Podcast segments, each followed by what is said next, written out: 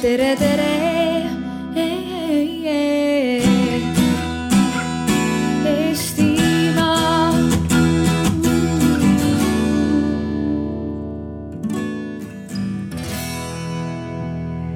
Tervist kõikidele, oleme Arvamusfestivalil, on värske teaduse alal ja tänane arutelu keskendub meil sellele, et võib-olla kõigepealt alguses võiks õnnitleda siia kõiki kohale tulnud mehi. Uuring, millest me räägime, näitab seda, et Eestis on meestel nelikümmend viis protsenti rohkem vara kui naistel. palju õnne aga, aga selle küsimusega me läheme süvitsi edasi. ja mul on väga suur heameel siin tervitada meie paneliste. meil on kaks majandusteadlast. kõigepealt Tallinna Tehnikaülikoolist majandusteadlane Merike Kukk. Siis on meil Tallinna või Tartu Ülikoolist, vabandust, Tartu Ülikoolist Jaanika Meriküll. Ja et asi ei jääks ainult äh, teaduse maile, vaid et kuidas see teadus ja praktikaga kõik omavahel seotud on, siis on meil LHV pangast äh, maaklertegevuse juht Sander Pikkel.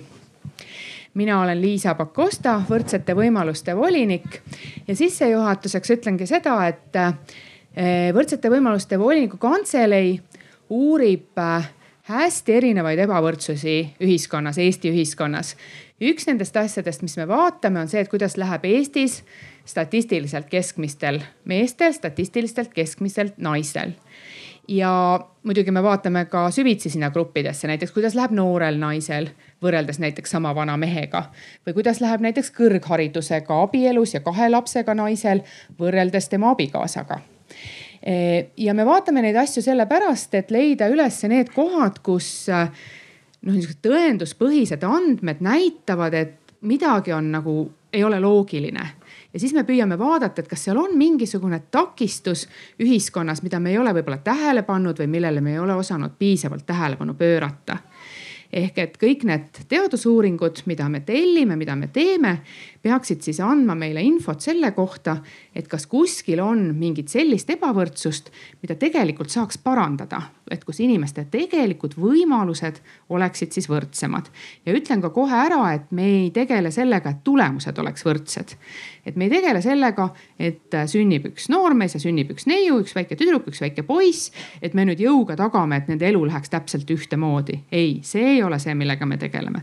me tegeleme sellega, et sellel väikesel tüdrukul ja väikesel poisil oleks kogu tema edasise elu jooksul võrdne võimalus teha neid asju, mida ta ise õigeks peab, mida ta ise teha tahab ja et kui üks nendest kahest on koolis laisk ja, ja ei jõua hästi edasi, teine on väga usin õppija, töötab kõvasti ja tulemuseks on see, et ühel on kõrgem palk ja teisel madalam.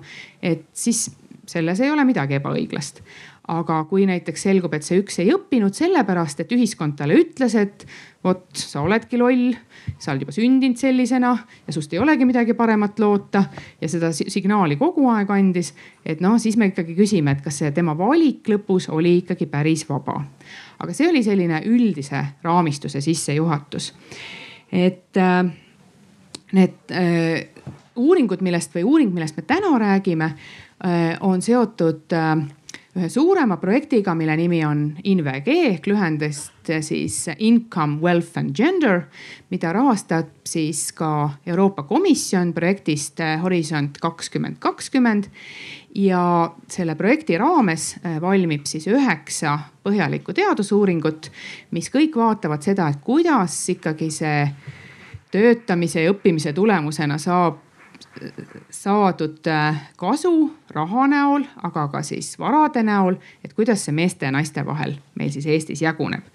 ja nagu ma sissejuhatuseks ütlesin, üldtulemus numbriliselt ütleb seda, et meestel on Eestis keskmiselt võttes siis vara nelikümmend viis protsenti rohkem kui naistel. mida see tegelikult üsna drastiline number tegelikult tähendab, et äh, Merike, hakka võib-olla sina selgitama, et, et võib-olla see olukord ei olegi nii hull. Mm, jah, mm, võib-olla siis alustan natukene kaugemalt. Äh, miks me just varasid vaatame, me vaatame ka sissetulekuid selle projekti raames ja me teame, et Eestis on, Eestis on palgalõhe kõige suurem Euroopa riigi riikides. maailmas teisel kohal. ja maailmas lausa teisel kohal. ja nüüd ongi küsimus, kas see palgalõhe ka mõnes muus, ütleme jah, finantsnäitajas äh, see edasi kandub, nagu näiteks varad et kuna me teame või kuidas siis varad ju põhiliselt ikkagi tekivad, on sissetulekud, mida siis säästetakse ja pikema aja jooksul. seal on ka teised faktorid, aga see on üks, üks siis nendest olu, kõige olulisematest ja võib-olla siis see nelikümmend viis protsenti on natukene liiga, ütleme, see on väga intrigeeriv number mida on välja toodud, oleme välja toonud. aga tegelikult on seis naiste puhul parem Äh, me räägime, kui me vaatame üldse üldiselt kogu rahvastikku ja kogu seda jaotust, et näiteks natukene vähem jõukamad või rohkem jõukamad ja võrdleme seal mehi, meeste ja naiste varade seisu. siis tegelikult äh, erinev varade seis on ainult kõige rikkamate meeste-naiste juures. ehk siis ütleme seal kümnend, kümnenda äh, varakuselt ütleme jah, top kümne juures keskmediaanis või ütleme siis jah, siis e-, ja ütleme vähem varakate seas on tegelikult Eesti Eestis eh, naiste ja meeste varad enam-vähem eh, sarnased. nii, aga nüüd selleks, et ikkagi alguses põnevust rohkem edasi kütta, ma toon ühe teise näite. kui mees abiellub, mõjub see talle tohutult hästi abielus mehel on väga palju varasid võrreldes näiteks ka mitteabielus mehega. küll aga, kui me vaatame abielupaare, siis see abielu mehele majanduslikus mõttes mõjub jube hästi. naisele nagu see mõju noh, ei paista väga numbritest silma üldse. et äh, Jaanika, et kui te olete vaadanud neid varade jagunemisi, siis te olete tegelikult ju vaadanud ka seda, et mis pilt avaneb erinevates peremudelites et äh, mis siis nüüd on nende abielumeestega, et neil nii hirmus hästi läheb? vot jah, äh, sellele küsimusele kahjuks ei oska vastata, miks neil nii hästi läheb, et, äh, et kui me lähemale vaatame, see tuleneb ettevõtlusvaradest. et miks need mehed nii jõukad on see, et võrreldes naistega neil on rohkem ettevõtlusvara et naistel on äh, ka loomulikult väiksema tõenäosusega ettevõtteid kui meestel, see erinevus ei ole nii suur, aga meestel on oluliselt väärtuslikumaid ettevõtteid. et äh, ja see on siis seesama saba, millest Merike rääkis, et see kümme protsenti kõige jõukamatest meestest on kordades jõukam kui see kümme protsenti kõige jõukamatest naistest. et see on see, mis tekitab selle suure erinevuse nelikümmend viis protsenti ja me nüüd nagu näeme, et seesama asi, mille Liisa välja tõi et tundub, et neid jõukaid äh, ettevõtjatest mehi on seal abielu meeste seas rohkem et äh, nüüd väita nüüd seda, et, et abielu teeb need mehed nii jõukaks, ma arvan, et ei saa, ma arvan, et äh, seal on kaks asja, et, et üks asi on see, et need jõukamad mehed suurema tõenäosusega abielluvad. ja noh, teine asi on ka see, et noh, võimalik noh, vähemalt, vähemalt nagu sissetulekute osas on selles ka nagu täiesti teaduslikult äh, tõendatud fakt, et, et abielu mõjub ka sissetulekutele hästi nagu meestele, tavaliselt paremini kui naistele. Aga varade puhul on nagu ka rahvusvahelised uuringud on näidanud seda, et üldjuhul abielust võidavad mõlemad ja ka lahutusest kaotavad mõlemad, nii mehed kui naised. et selles mõttes nagu võib-olla, kui ma peaks midagi pakkuma, siis mulle pigem tundub see, et, et rikkamate meestega tahetakse abielluda. Äh, kui ma peaks nagu pakkuma välja, aga mis on hästi huvitav asi, mis meie uuringust välja tuli, oli see, et kui me vaatame näiteks meeste ja naiste ähm, keskmist varade väärtust äh, leibkonnatüüpide lõikes, siis me näeme, et, et äh, näiteks äh, naised on suhteliselt sarnased, kui on nagu üksi elav naine või abielus naine, no siis tema netovarade väärtus on umbes sama, varad miinus kohustused, see jääb sinna kuhugi kahekümne viie tuhande euro ja kolmekümne viie tuhande euro vahele, ükstaskõik erinevatel leibkonnatüüpidel, et kas ta on, on, pole kunagi abielus, on ta lesestunud, on ta lahutatud, on ta kooselus, on ta abielus, on ta lastega abielus, lasteta abielus. me näeme, et noh, naistel on see varade tase on suhteliselt sarnane. aga nüüd, kui me võtame mehed, siis seal on tohutu erinevus et üksi elav mees, kes ei ole kunagi abielus olnud, on Eestis kõige vaesem. et äh, noh, meestest, vabandust, jah, meestest. et äh, ja, ja siis, äh, kui me võtame need abielus mehed, siis noh, see keskmise varakuse erinevus on mingi viis korda, et see on nagu tohutult suur. Et, et lihtsalt, et tundub, et mehed on oluliselt heterogeensemad, naised on oluliselt homogeensemad, et need on nagu mitmes asjas on see niimoodi, et, et see on IQ-s niimoodi tuleb välja, et see on ka varades niimoodi, et, et noh Merike, sa tahtsid äh, midagi lisada abielu ja. meeste kohta? jah, abielu, nii-öelda erinevuste meeste ja naiste varade juures. et kui me siin oleme rõhutanud, et äh, erinevus on just see kõige rikkama kümnendi juures, siis tegelikult, kui me vaatame eraldi neid lõik, just vaatame siis kooselus olevaid või abielus olevaid paare, siis seal tegelikult on näha ka väiksema varade juures juba tegelikult neid erinevusi. just seda, et, et küll kooselus ja abielus olevad, ähm, olevad äh, paarid, et nemad on kõige jõukamad. kuid seal ütleme siis meest, kui palju siis mehed omavad ja kui palju naised omavad, et seal siis tegelikult see vahe on, on palju suurem. et me küll ka teame tõesti, et ähm, abielus tähendab seda, et varad võivad olla ühe või teise nimel, tegelikult lõpuks on ju ühisvarad ja need jagunevad öö, ideaalis võrdselt nii et mida me tegelikult praegu ka kommenteerime, on ikkagi see, et kuidas nad praegusel hetkel on see omandivorm et alati võib ka minna diskussiooni, mis nendest edasi saab, kas see omandivorm jaotub ühtlaselt. aga, aga üldine plaan on jah see, et ettevõtlusvarad kipuvad olema meeste nimel ja muud varad siis jagunevad nagu nad on. kinnisvara on siis see tegelikult, mis jaguneb väga võrdselt, et see on üks varaliik, mis on, ütleme siis võib-olla siis teeb paarid või jah, mehed-naised võrdsemaks. et seda nad siis jagavad ühiselt. aga kuidas siis muud varad on jagunenud nende, kelle konto peale või kelle, kelle nimele. see on siis jah, sõltub siis olukorrast mul on alati õudne, kui ma mõtlen seda, et kui palju pank minust teab, et ta teab küllalt täpselt seda, mida ma kolm tundi tagasi ostsin, kust ma ostsin ja mida ma tegin ka kolm aastat tagasi. ja mida ma siis ostsin, et kui nüüd panga poolt vaadata, et kas teie näete üldse erinevust äh, naissoost klientide ja meessoost klientide käitumise vahel, Sander? ja, et äh, ma tegelikult tulen natuke selle uuringu juurde tagasi, et kui ma seda uuringut lugesin, et ma mõtlesin, et siit võib, võib tulla üks väga igav debatt, et mul ei ole siin midagi nagu vastupidist väita aga jah, tõesti naiste, meeste käitumine on tõesti erinev äh, mõningates kohtades, näiteks investeerimise puhul kus äh, ka meie statistika näitab, et äh, naised eelistavad hoiustada või eelistavad siis madalama riskiga varasid äh, kui mehed. mehed on rohkem riskialtid, panustavad oma vara aktsiaturgudele, kus nad teenivad ka suuremat tootlust. ja sama tuleb välja ka ettevõtete laenudest.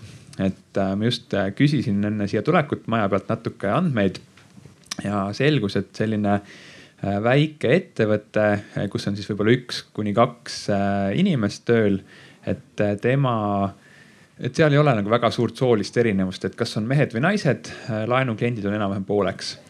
aga kui rääkida suurettevõtetest, siis seal on just enamus ikkagi mehed või ütleme, valdav enamus on ikkagi mehed, kes seal ettevõtete juhid ja omanikud on.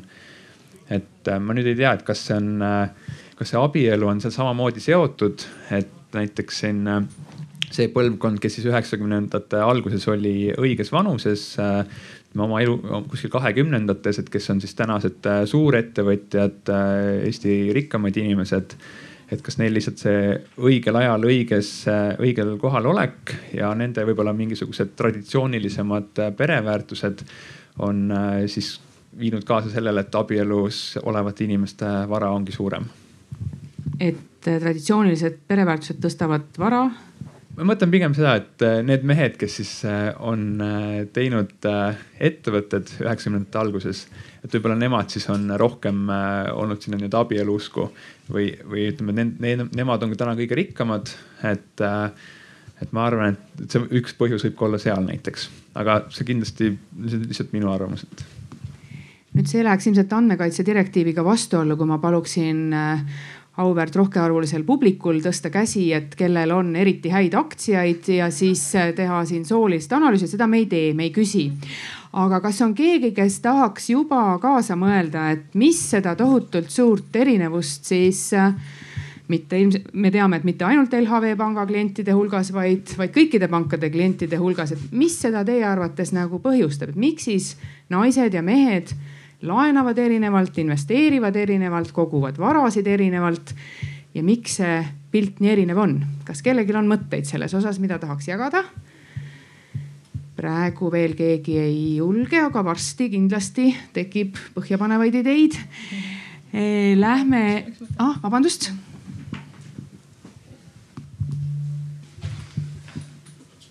tere.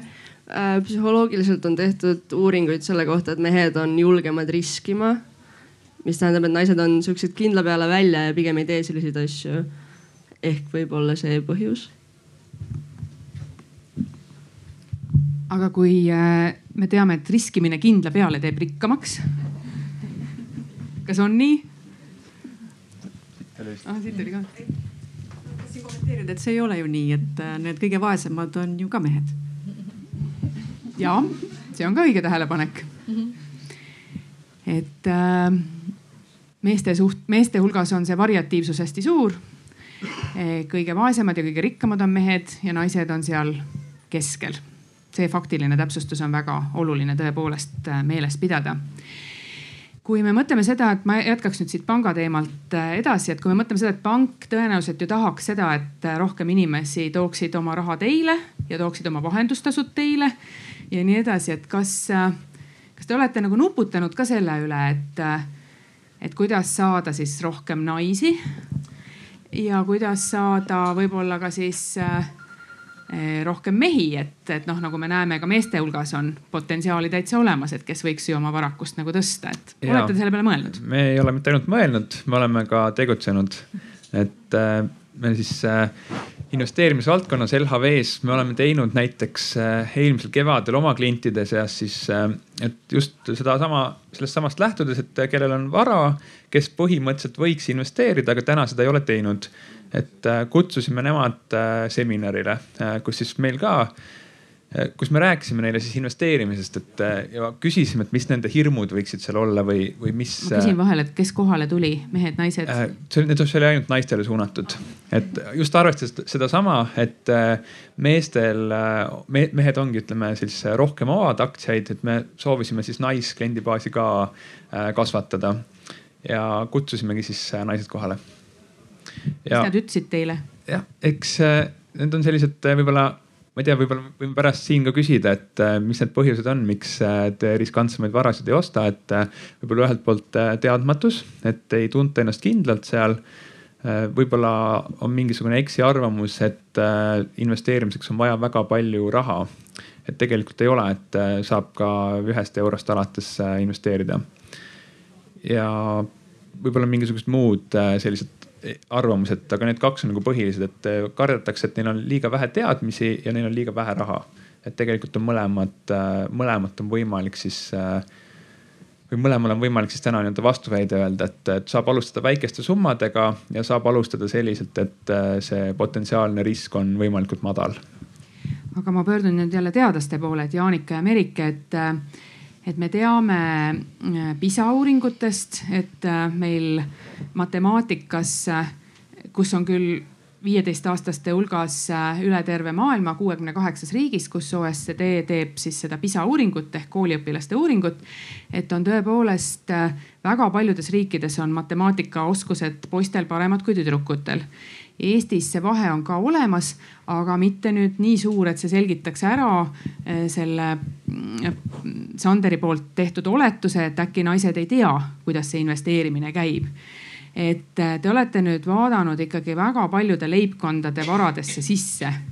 et eh, kas see võib tõesti olla niimoodi, et on, meestel on teadmisi rohkem ja naistel on teadmisi vähem? Ma võib-olla alustaks sellest äh, riskikartlikkuse kommentaarist, mis sealt oli, et, äh, et tegelikult meil oma andmetes oli selline tunnus isegi sees, mis nagu mõõtis riskikartlikkust, et, et, et uuringust meil osalejad said ise raporteerida, et, et kas nad on valmis võtma suuri riske või väikseid riske, need on sellised standardsed küsimused, millega siis hinnatakse inimese riskikartlikkust ja, ja neid kontrolltunnuseid me ka kaasasime analüüsi, aga need ei suutnud äh, endiselt selgitada seda, miks äh, naised hoiavad oma raha deposiitides ja mehed ostavad aktsiaid, et. Äh, et noh, meie järeldus oli ka, et see peab olema midagi, mis on seotud pigem võib-olla finantskirjaoskusega, mida ka siin kolleeg välja tõi et, et jah, finantskirjaoskuse kohta meil kahjuks nagu küsimusi ei, ei olnud, mida, et me oleks saanud seda kontrollida, aga, aga me lihtsalt nagu järeldasime, et tõenäoliselt on see midagi seal. tegelikult selle finantskirjaoskuse kohta on äh, Pangaliit äh, tellinud kunagi uurimu, uurimuse ja mis nad, nad leidsid, tegelikult eestlas, see tehti siis OECD riikide seas ja leiti, et tegelikult eestlaste finantskirjaoskus on äh, üsna heal tasemel nende võrreldud riikide seas, aga see käitumine ei peegelda seda.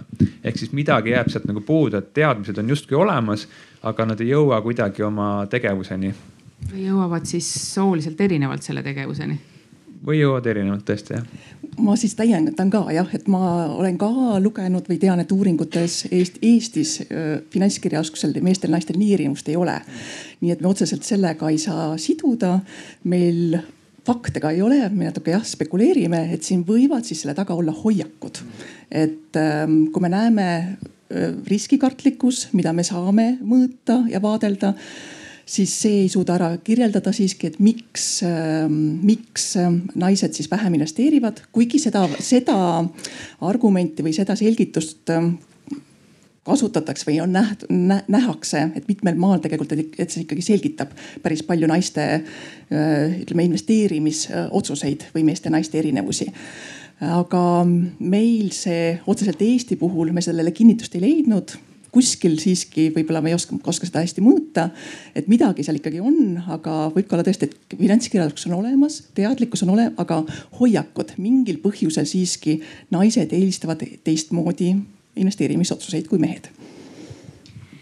Hoiakud on üks väga huvitav teema ja lihtsalt, et me oleks kõik ühel lainel, siis ma selgitan natukene, et et hoiakud tõepoolest võivad väga palju mõjutada inimese käitumist ja inimesele võib tunduda, et ta justkui teeb vabu otsuseid, aga kui ühiskondlik surve või ühiskondlik norm teda suunab käituma hoopis teistmoodi, siis on väga vähe neid inimesi, kes julgevad või söandavad minna sellele ühiskondlikule normile või, või sellele, kuidas arvatakse, et on õige, et näiteks naine käitub või mees käitub.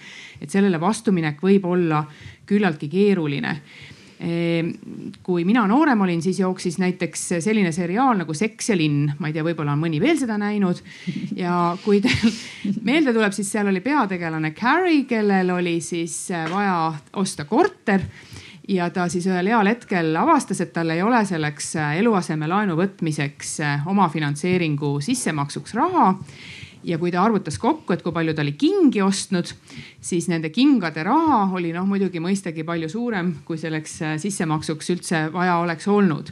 et selline niisugune ikooniline äh, stseen väga suure vaadatavusega seriaalist, mis äh, justkui ütleb, et see ongi täitsa normaalne, et naine investeerib kingadesse ja ei kasuta oma raha mingisugusel muul moel, et, et kas on kas oskab keegi kuulajatest tuua näiteks näiteid või kaasa mõelda, et kas, kas meil on ühiskonnas selliseid hoiakuid, et naised ja mehed peaksidki üldse rahaga erineval moel ümber käima, et kas me kuidagi väärtustame erinevalt seda, et kuidas mees raha kasutab või, ja kuidas naine raha kasutab, kas, kas meil on erinevad hoiakud?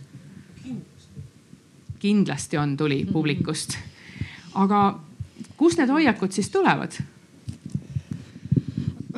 ma tahaks ühte asja kommenteerida, et, et tegelikult ma tahaks nagu sihuke natuke müüdimurdja olla siin praegu nagu selle tarbimise osas, et, et noh, naiste kohta on selline reputatsioon, et sa annad neile raha kätte, nad kulutavad kõik ära, onju. et mehed nagu mõtlevad ja kaalutlevad ja investeerivad, et noh, meil tegelikult oli oma uuringus võimalik vaadata ka seda, millised on need säästmismäärad ja tarbimismäärad. ja kahjuks me ei tea seda kõikide leibkonnatüüpide kohta, aga näiteks üheliikmeliste leibkondade kohta me saime võrrelda mehi ja naisi. me teadsime kõike nende sissetuleku kohta ja nende tarbimise kohta ja me äh, võrdlesime mehi ja naisi nagu samade äh, sissetulekurühmades. no mehed, kes äh,, ma ei tea, mehed-naised, kes teenivad alla tuhande euro kuus, mehed-naised, kes teenivad tuhat kuni tuhat viissada eurot kuus ja nii edasi. jagades nad kümnesse niimoodi gruppi sarnase sissetulekuga. ja, ja mehed ja naised tarbivad täpselt sama palju no vähemalt Eestis ja vähemalt üheliikmelised leibkonnad, et see nagu müüt nagu sellest, et naised nagu kõik raha laiaks löövad kingade peale, et et vähemalt äh, meie Eesti andmetel see ei pea paika, seda me ei tea, noh seda kindlasti mehed ja naised tarbivad erinevalt, nad ostavad erinevaid asju, see on selge, seda on erinevad uuringud näidanud. aga seda, et nad oma sissetulekust suurema osa ära kulutaksid, seda meie küll ei näe vot perede sisse me ei näe, sellepärast et seal me näeme nagu kogu pere tarbimist. me ei saa eristada, et no mis osa sellest nüüd tarbis mees ära ja mis osa tarbis naine ära.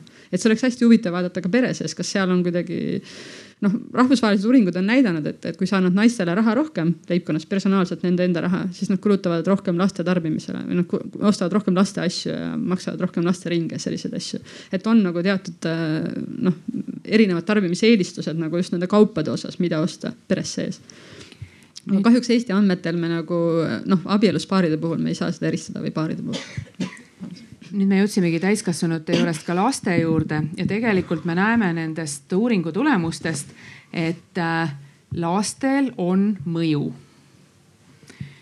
kas see laste mõju on nüüd positiivne, negatiivne või kuidas see tegelikult, äh, kas, kas näiteks see, et naisel on lapsi, ei ole lapsi või mehel on lapsi, ei ole lapsi, et kuidas see tegelikult mõjutab? Isu tekitamiseks ma lisan juurde sellise näite, et kahe tuhande kolmeteistkümnendal aastal sai valmis Statistikaameti suur uuring mis uuris siis ainult palka, mitte siis kogu seda eh, varade paketti. ja sealt tuli välja, et eh, abiellumine ja lapse saamine mõjub mehe palgale väga hästi ja naise palgale väga halvasti. ehk et eh, lapse saamisel oli täpselt vastupidine mõju naisele ja mehele mehe palk tõusis pärast lapse saamist ja naise palk langes pärast lapse saamist. kuidas me varade puhul näeme seda lapse mõju? Mm, me näeme seda, et äh, lastega peredel on siis kõige suuremad varad, et tõesti, et siis ka see vastutus ja äh, eesmärgi püstitus on pikema perspektiiviga ja tõesti, et ka seal siis meeste-naiste vaheline erinevus on suurem aga jälle jah, me räägime siin peresisesest, kuidas on, kuidas nad on seal jaganud sellel hetkel. noh, on, on, ongi siin otseselt me seda ei näe, me saame jälle natukene tõlgendada, spekuleerida.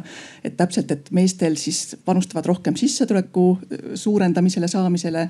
naised natukene rohkem tegelevad pereasjadega ja need sissetulekud siis äh, kogunevad ühe kontole ja mitte teise kontole.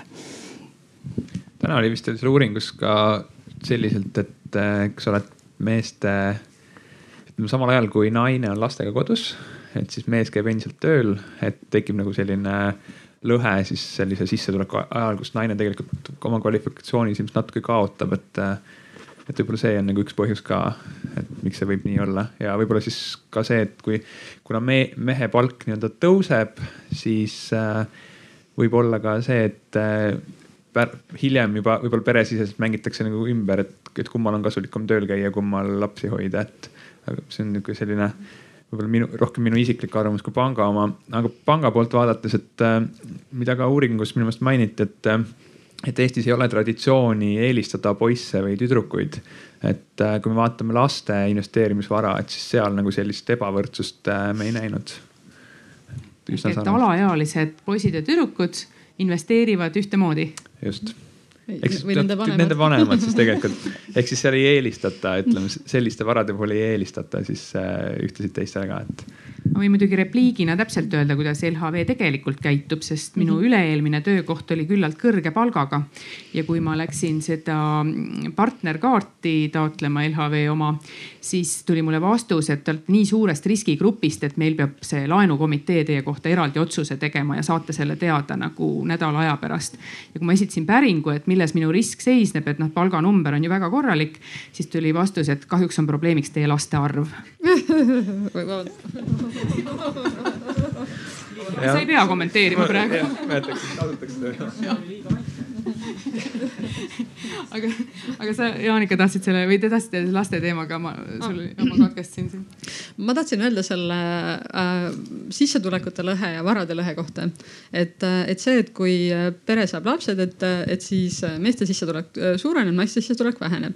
et noh, Eestis on kogu aeg see tegelikult pilt olnud palgalõhe osas nagu suhteliselt katastroofiline, et see palgalõhe on selline suur ja püsiv üle terve nagu palgajaotuse, ükskõik kus me vaatame, vaatame, mehed teenivad mingi kakskümmend, kolmkümmend protsenti rohkem kui naised ja kui meie nüüd nende, selle uuringu tulemused saime, siis me olime suhteliselt üllatunud, et seda varade lõhe tegelikult ei ole kuskil mujal kui ainult selle top kümne protsendi hulgas.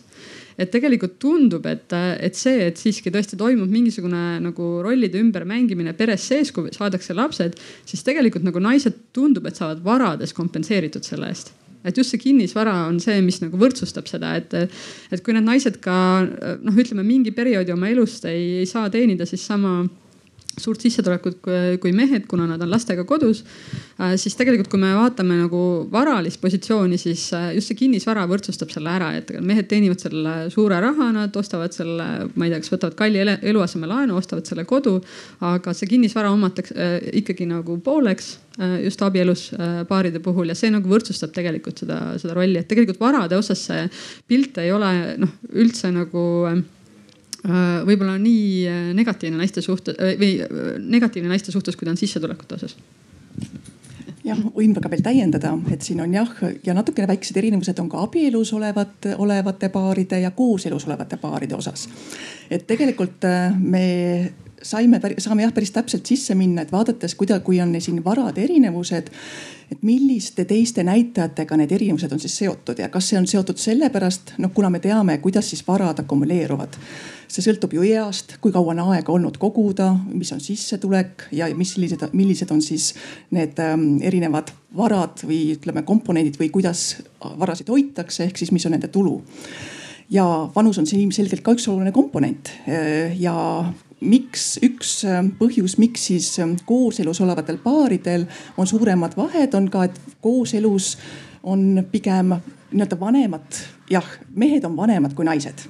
sealt tuleb üks, kus neil on olnud rohkem aega akumuleerida ja teine siis jah, nad on rohkem ettevõtjad, et seal on rohkem ettevõtjaid aga kui me vaatame sama vanuse äh, grupis või sama vanusega mehi-naisi abielus, siis, siis naistel nagu oleks rohkem varasid, et ütleme siis vanusega on neil olnud rohkem võimalus koguda ja samuti ka sissetulekuga. ehk siis see tähendab seda, et abielus olles siiski käi-, on siin jah, ja meestel siis selle võrra vähem, ehk siis toimuvad ikkagi jagamised kooselus seda ei ole, et kooselus on rahad palju selgemalt eristatud ja seal sama vanusegrupis äh, olevatel mehel-naistel, naistel on vähem varasid, et eks nad selle vanuse juures võiks eeldada, et võib-olla samad muudel, muud tingimused samaks jäädes, siis tegelikult naistel on õnnestunud vähem koguda ja sama ka sissetuleku juures, sama sissetuleku juures on naistel olnud võimalus vähem koguda. et siin on ka erinevused kooselus ja abielus olevate paaride vahel kui me nüüd selle lihtsalt uuesti üle ütleksime selle pika jutu, et kas ma saan õigesti aru, et äh, abielu mõjub hästi nii mehele kui naisele, aga mõjub mehele mitu korda rohkem hästi kui naisele. E, ja samas tegelikult, kui ma vaatan neid numbreid, siis ka see vabaabielu mõjub naisele noh, mitte nii hästi. et siin on äh, naiste vara vabaabielus ja lastega on keskmiselt kakskümmend kuus tuhat kakssada üheksakümmend kuus eurot. aga näiteks kui naine on, äh, elab üksinda, on lahutatud või lesestunud, et siis on tal tegelikult rohkem seda vara. kas see on ka vanusega seotud või? Jah, siin on ka see seotud no,. lesestud sa tõenäoliselt siis, kui sa oled juba. vanus jah ja,, vanus on üks määravaid. Äh, vanus, sissetulek, haridus on need tegelikult olulised komponendid või olulised tegurid, mis siis tegelikult määravad, kuidas varad kasvavad nii meestel kui naistel aga siis on jah, et kuidas siis ühe, üks või teine, kuidas siis vanusega ühel või vanusega teisel äh, kasvab, sealt tulevad siis jah erinevused kas pank vaatab seda asja samamoodi, et äh, eakam klient on nagu parem Äh, ja ütleme, vaatame iga klienti eraldi, esiteks. Äh, eakam klient võib olla väga hea klient. Äh, näiteks pensionär on selles mõttes väga stabiilse sissetulekuga, pensioniga et äh, oleneb jah, ja kus, kus me seda jälle vaatame, eks ole, et, et mingisuguse laenutoote puhul jah, on talle lihtsam võib-olla mingisugust äh, väiksemat laenu anda, kuna tema sissetulek on stabiilne, et seal ei ole ohtu, et seda ka kaotada äh,. samas mingeid teatud asju, pikemaajaliseid laene võib-olla piirab meil seadus anda lihtsalt, et äh, mitte olla vastutustundetu, et või et olla vastutustundlik, et. et võib-olla inimese prognoositav eluiga ei ole enam nii pikk, et ta suudaks selle laenu lõpuni maksta, et. aga üldiselt oleme igati positiivsed. Lähme sellest teemast vanuse osas teise otsa, et me rääkisime seda, et laste puhul on poiste-tüdrukute nii-öelda kontod ühesugused. aga mis toimub tegelikult noorte inimestega, et missugused on noorte inimeste varad siis, kui inimesed on saanud hakata tegema esimesi otsuseid ise, mis siis juhtub? no mida me ka vaatasime, vaatasime seda varalist seisu üle vanusegruppide. Merike kergelt seda puudutas juba et tegelikult me näeme, et see varaline lõhe on kõige suurem nooremate seas, alla kolmekümne viie aastaste seas meeste-naiste varaline lõhe on siis kõige suurem just. ja, ja seda ei suuda selgitada ka mingisuguse tööstaaži või, või selliste tunnustega, et, et tundub, et noh, vanem, vanemaealiste seas varaline lõhe on väga väike see on võimalik ära selgitada ja, ja noh, millega meie oleme proovinud seda ka selgitada, on see, et et see meie suhteliselt helde erastamisprotsess, mis, mis toimus kaheksakümnendatel, üheksakümnendatel, noh üheksakümnendatel pigem. kus kinnisvaraomanikuks äh, said äh, äh, inimesed läbi erastamise, mitte läbi kodu ostmise ja selle kohta on Eestis uuringud ka, mis näitavad, et tegelikult see erastamisprotsessist kes nagu võitjad või kaotajad olid, et see ei sõltunud suhteliselt sissetulekust, et see oli suhteliselt sissetulekuneutraalne ja selles mõttes ta ei, ei eristanud ka mehi ja naisi ja me näeme, et vanemate põlvkondade osas just see kinnisvara omamine, võrdne omamine ja see nagu võrdsustab väga hästi seda, et meestel ja naistel on suhteliselt võrdselt raha äh,, varasid. Aga just nooremate seas me näeme seda, et võimalik, et seal nagu elukaare keskel kuskil ka seesama kooselus või abielus olemine ka natuke tasandab seda meeste äh,, naiste vahelist varalist äh, võrdsust, aga, aga just alla kolmekümne viie aastaste seas äh, on see meeste-naiste erinevus kõige suurem ja, ja noh, üks asi, mis meie ka selle uuringu tulemusena nagu välja tõime, oli see, et, et, et tõenäoliselt kui noh, me vaatame näiteks seda varalist seisu, mingi meeste-naiste varalist seisu kahekümne aasta pärast, kus need põlvkonnad võib-olla on lahkunud, kes siis võitsid sellest erastamisest eelkõige ja need, kes nüüd on alla kolmekümne viie aastased, on siis noh, oma parimas töö, tööeas või hakkavad pensionile minema, et tõenäoliselt see meeste-naiste varaline ebavõrdsus on siis suurenenud võrreldes tänasega. nii vahepeal me olime peaaegu juba mugavustsoonis, aga nüüd me justkui põrutasime sealt nüüd täiega välja, et mis jama see on, et eh, alla kaheksateist aastased poisid-tüdrukud, varad ühesugused ja kaheksateist kuni kolmkümmend viis kõige suuremad erinevused. mis seal nüüd juhtub siis tegelikult vahepeal? mis juhtub? jah, see on võib-olla jällegi see, et eks ole, et et naised tegelikult on haritumad, ma ei tea, kas see nüüd äh, põhjendab seda? on küll, alla kolmekümne viie aastaste hulgas on meil maailma suurim vahe Eh, kolmanda taseme ehk siis kõrghariduse yes. omand lõpetanud meeste ja naiste vahel ehk meil on kõige rohkem naisi rohkem kõrgharidusega kui, kui siis võrreldes meestega. et siit oleks jällegi siis see hüpotees, et eh, mehed lähevad varem tööle ja hakkavad sealt akumuleerima siis oma vara kiiremini. et ütleme, kui, kui, kui see on nüüd see põhjus, et naised on lihtsalt tööturult kauem eemal eh, tänu sellele, et nad omandavad kõrgemat haridust, et saada siis tulevikus suurem palk aga samas mehed siis, kellel võib-olla see haridus ei ole äh, nii oluline või nende jaoks ei ole oluline või, või neid on kuidagi suunatud äh, sellist mitte, mitte kõrgkooli minema. et võib-olla nemad siis äh, sisenevad ka tööturule kiiremini. ma nüüd natukene urgitseksin LHV pangaga või panga kallal edasi, et te tegelikult tunnete noori tarbijaid päris hästi, et te olete, teil on tugev noorte toode. ma kujutan ette, et teil on päris palju noori kliente. Te tegelikult ju teate nende käitumist. Äh, kindlasti seda teatakse. Äh, mul täna kahjuks selle kohta statistikat siin kaasas ei ole, et äh, ma selles osas jätaksin kommenteerimata, et. aga kas te näete erinevust noorte inimeste soovis soo järgi näiteks soetada aktsiaid? kas seal on soolist erinevust? ja, et et äh, meil LHV-l on siis selline investeerimiskooli seminaride sari, kus me tegelikult näeme siis iga aasta, et kes need investeerimishuvilised on. ja kui on sellised, see sari läheb meil niimoodi, et äh, alustatakse lihtsamatest teemadest ja minnakse siis äh, keerulisemateni ja seal me näeme seda, et alguses nende lihtsamate või alustajate teemade juures on naised natuke, naisi natuke rohkem ja kui minnakse selliste riskantsemate instrumentide juurde, siis hakkab see meeste osakaal nagu järjest suurenema. ja sama me näeme tegelikult ka kontodel, et äh, aktsiaid äh, ikkagi selline meeste ülekaal on seal ikkagi tuntav. juba noorte hulgas? juba ka noorte hulgas, et sealt ütleme, sealt juba tegelikult äh, ka need, need noored, kes on veel alaealised, et ka nendel, et, et on selline kerge vahe, ma nüüd jään selle täpse suuruse võlgu, aga see ikkagi on meeste poole kaldu. Nonii, ma saan aru, eh, teadlaste repliigist, et tegelikult see, kuidas meie noored täna käituvad, eh, peegeldub palju suuremas varanduslikus lõhes tulevikus, et see, see lõhe nagu tõenäoliselt läheb edasi, et et kas keegi publikust soovib öelda repliiki, küsida midagi täpsemalt selle kohta, et mida siis noortega teha?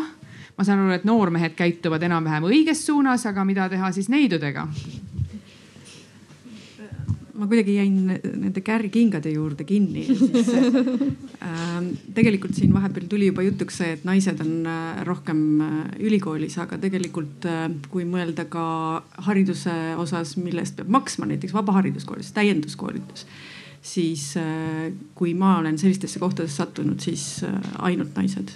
Et ma arvan, et kingade asemel üks tore suvekool või mingisugune koolitus see on küll õige, et seda näitab ka statistika, et äh, täiendõppes äh, teist korda ka ülikooli minnes ja kogu sellise elukestvas õppes äh, osaleb Eestis märkimisväärselt rohkem naisi kui mehi ja isegi sellistel juhtudel, kus selle eest tuleb ise maksta.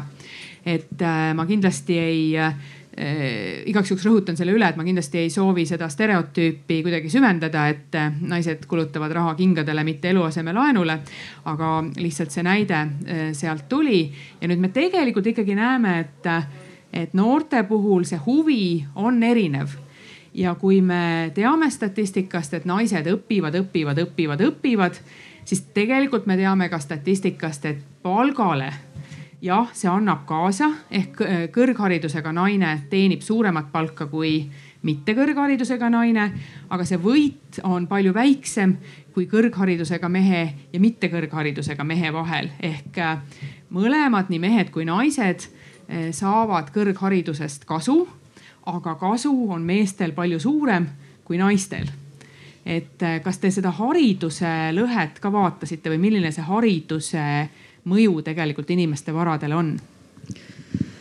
ja me seda kontrolltunnusena loomulikult võtsime analüüsi sisse, aga, aga ma arvan, et selles küsimuses oli ka nagu vastus, et, et, et kuna mehed teenivad kõrgharidusest enam kui naised, siis ma arvan, rohkem mehi peaks minema kõrgharidusse noh mi....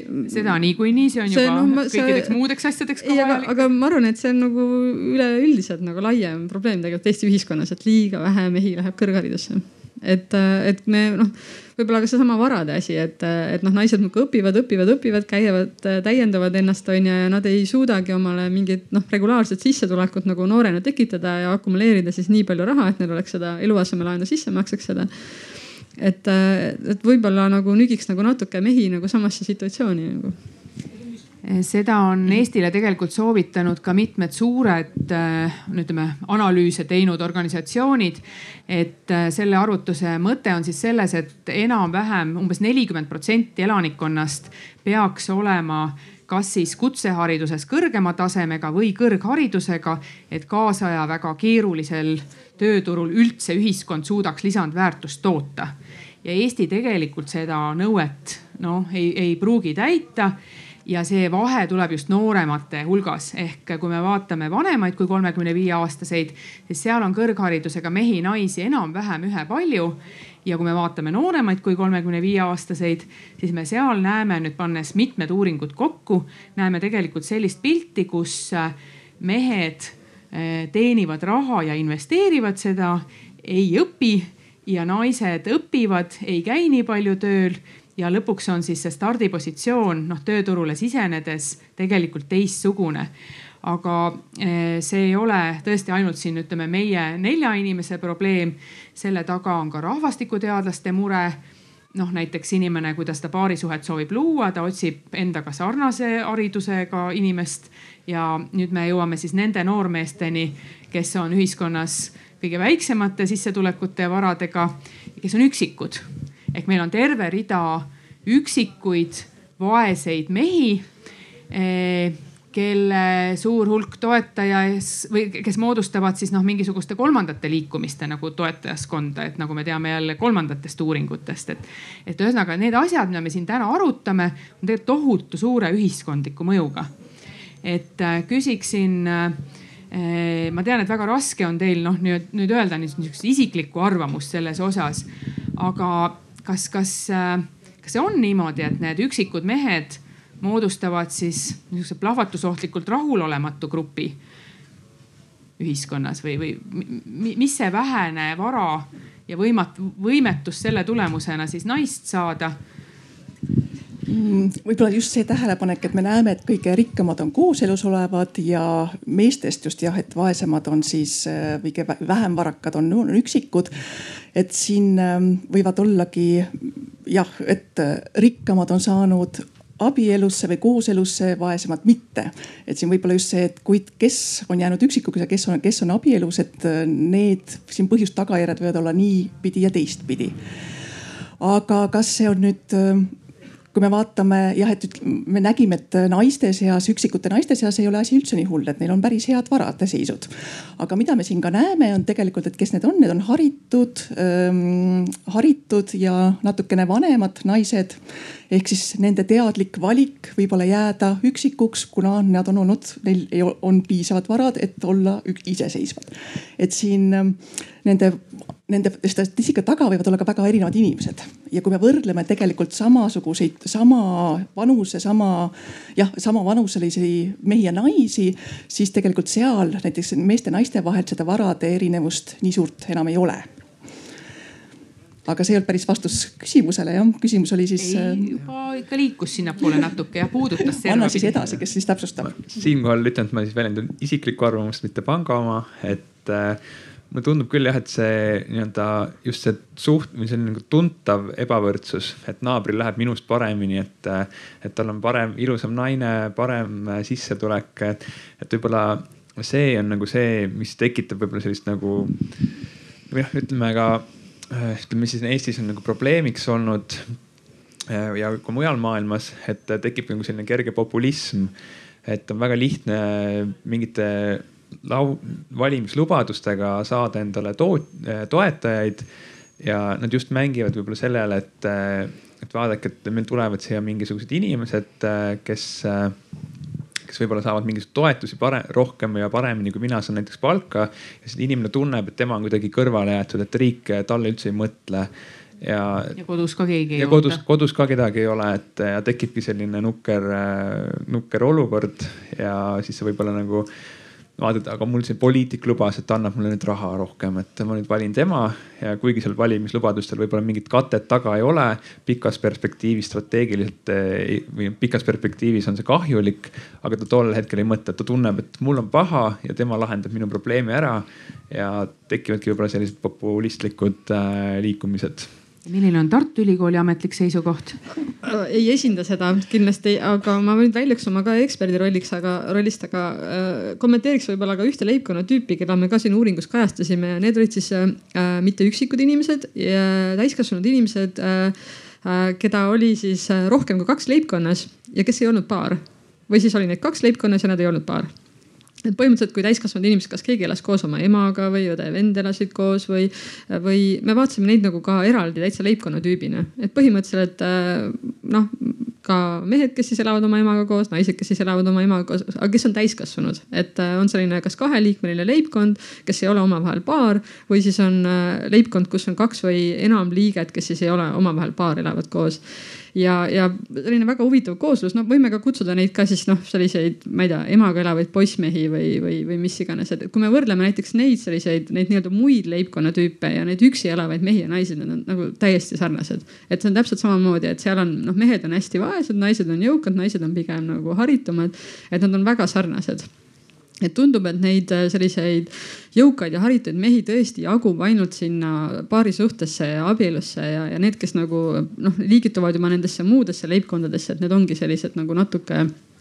mingil põhjusel kehvemal järjel, kes äh, noh, mis iganes põhjusel. ja, ja mis, mis valikuid nad nagu selles osas teevad nagu radikaliseerumise osas ei, ei oska öelda, aga, aga kindlasti see on pinnas selleks, et noh see on, me teame ilukirjandusest, et kui, kui noh, mees tunneb, et ta ei, ta sissetulek on nii madal või temal ei ole piisavalt varasid, et ta saab, ei saa lubada endale naist, siis loomulikult see tekitab temas väga suurt rahulolematust. ja siis muidugi tuleks küsida, et äh, kui me vaatame meeste-naiste vahet äh, selles äh, väiksema sissetulekuga grupis, et miks siis ikkagi naistel läheb paremini? miks väiksema sissetulekuga naistel läheb kokkuvõttes paremini? haridus kui ma ütlesin just, et seal on rohkem haritud ja mm, vanemaid naisi või haritumaid ja see ongi, neil on ilmselgelt võiks olla see nende valik. ja siin ongi võib-olla siis jõuame sellise natukene jutumärkides positiivse sõnumini naise, naiseni või naistele. et nendel on valik, võib-olla lihtsamad valikud, kui on varaline või sissetulekuseis kehvem, on neil võimalus siiski äh, mehe kaasabil siiski oma varalist seisu suhteliselt paremini jah parandada meestel sellist võimalust ei ole, et naistel on paremad võimalused, et naiste ütleme vara selline jaotus on ühtlasem kui meestel. Ehm, ja see võibki olla just pigem sellisest vähem varakate naistel, kellel on tegelikult abi sellest, et nad on kooselus või abielus, kus nad tegelikult kasutavad seda vara ühiselt. meestel on näha, et seda võimalust on vähem ma muutun moderaatorina natuke murelikuks, sest et meil on siin värske teaduse ala ja me nüüd tegelikult oleme jõudnud kokkuvõteteni, mis on küllalt lihtsad. et äh, jõukal mehel on kergem abielluda ja siis haritud naisel on kergem leida oma perekonna suhte osas see valik, mis talle endale sobib. kas äh, no ütleme pank, kes äh, ju üldist arusaama mööda peaks vedama ühiskonnas ka muuhulgas selliseid noh uuenduslikke asju ja pakkuma uuenduslikke lahendusi, et kuidas teie seda asja näete, et kas, kas inimesed ongi niimoodi loodud või, või on ikkagi seal kuskil mingid väljapääsud nendele eh, naistele, kes tahaksid eh, kuuluda selle tippkümne hulka eh, ühiskonnas või nende meeste jaoks, kes on siis nüüd väga nutuses olukorras? Toon siis ajaloolise statistika, et äh, kui naine tahaks jõuda siis ka sinna top kümne hulka, et äh, tuleks siis tegeleda ettevõtlusega. kui päris ettevõtlusgeeni ei ole või ei ole päris head äriideed, siis äh, ajalooliselt järgmisel kohal on olnud aktsiatesse investeerimine. ja siin ka me saime aru, et teadmised tõenäoliselt on naistel olemas, nüüd on vaja seda hoiakut murda. ja ma arvan, et naistel näiteks, äh, kellel täna tekib huvi investeerimise vastu, aga ei ole julgenud sellega kunagi tegeleda või tahaks oma sissetulekut tõsta, et äh, otsige üles Facebookist äh, selline grupp nagu naiste investeerimisklubi, et Kristi Saare seda veab, et leiate sealt mõttekaaslasi, te leiate teisi naisi, kellega sellel teemal arutleda. ja siis ütleme, murdke see hoiak, et mul ei ole et ma, kas ma ei tea midagi või mul on liiga vähe raha või mingi muu põhjus, et, et või, või ei ole teadmised, omandage need teadmised ja asuge tegutsema. meestele mul nii lihtsat soovitust ei ole, et, et me, mees peab jah, kuidagi ma ei oska öelda, mis siin meestega tegema, tegema peab, et mees peab kuidagi ise hakkama saama, et. kas oskab keegi publikust kaasa mõelda, et äh, ja ma annan mikrofoni ka mul on selline küsimus, et siin ei ole käsitletud lapsi. et kas selles uurimuses kuidagi neid äh, laste, laste saamisest tingitud äh, sissetuleku muutusi või vähenemisi, eriti naiste osas ka arvestati? et tegelikult see aeg ja see kaheksateist kuni kolmkümmend viis, see peaks olema ju kõige noh, selline aeg, kus nii-öelda kõik lapsed muretsetakse. et hiljem on see juba riskidega seotud. ja siis veel üks asi, et äh, et äh, võib-olla see üksikute vaeste naist või meeste küsimus. et see võib-olla ka on tingitud alimentidest või alimentide osast.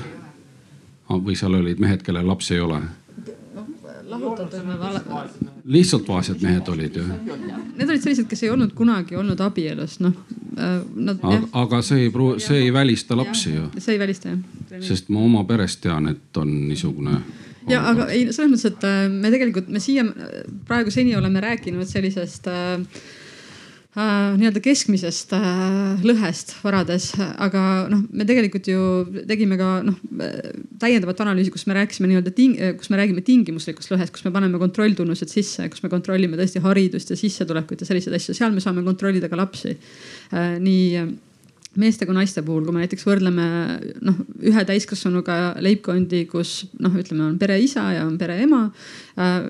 on ka mehi, kes kasvatavad üksi lapsi ja kui me kontrollime seda, seda laste olemasolu, siis noh, seal ei ole ikka erinevust meeste ja naiste vahel nagu statistiliselt oluliselt kui me räägime üheliikmelistest leibkondadest, et tegelikult oleme nagu laste rolli nagu kontrollinud et, et tegelikult, kui me räägime nendest üheliikmelistest leibkondadest, siis peale seda, kui me paneme kõik need kontrolltunnused sisse nagu noh, haridus, laste olemasolu ja nii edasi, et siis äh, äh, lõhe läheb nagu rohkem meeste kasuks et, et me tegelikult äh, äh üt-, noh, saame väita nagu seda, et nii-öelda varade kogumise seisukohalt on nagu naistel natuke paremad karakteristikud kui meestel. mis see tähendab? No et äh, need üksikud naised on tõesti sellised, kellel on rohkem haridust äh,, kellel on äh, suurem sissetulek noh, laste puhul jah ma isegi nüüd ei mäleta, kas milline see laste roll nende üksikute leibkondade puhul oli, et kas see oli varasid suurendav või vähendav. et kui me võrdleme üksikisa või, või üksikema nagu. aga nagu põhimõtteliselt me kontrollisime seda jah ma ütlen ühe numbri vahele, küll mitte numbriliselt, aga eelmisel aastal äh, Euroopa soolise võrdõiguslikkuse agentuur EIGE eh, tegi uuringu, kus ta vaatas eh, laste mõju eh, palkadele. Ja sealt tuli välja üle siis Euroopa Liidu kõikidest liikmesriikidest täpselt seesama tendents, et üksikvanemate puhul, kui naine on üksikvanem, siis see mõjub tema palgale väga halvasti. Ja kui mees on üksikvanem ehk üksikisa, siis need olid kõige kõrgema palga saajad üldse siis kui võtta kõik need liikmesriigid kokku. ehk mees, kes siis reaalselt kasvatab üksinda lapsi, oli kõige kõrgema palga saaja. aga sealt tekib samasugune nagu küsimus, põhjus-tagajärg, et kas siis need mehed, kelle sissetulek on väiksem, ei saa lubada endale seda, et nad on üksikisad ja seda saavad endale lubada ainult väga kõrge sissetulekuga mehed, kes siis noh, tõenäoliselt ka mingeid teenuseid siis kasutavad või noh turult võtavad juurde. aga, aga see number tuli eh, sealt sellisena kokku. äkki see kingaga naine ei, see tarbimise jutt, tarbimise näide tuli siit ikkagi ennem välja, et, et eh, Jaanika Meriküll tõi seda, et eh, kulutavad mehed ja naised ühtemoodi. kingi ostavad noh, nagu nii-öelda ühtemoodi. no ei ole ikkagi tegelikult ühtemoodi. Tarbimiskaubad ostavad naised. Üldiselt perekonnas on niimoodi, et jah, tõesti kaubad ehk siis need igapäevaselt tarbivad asjad ostavad pered kas sarnasel viisil või siis ostavad naised laste asjad, mehed peavad siis ostma selle suurema auto või suurema kinnisvara ja maksavad siis need suuremad arved kinni.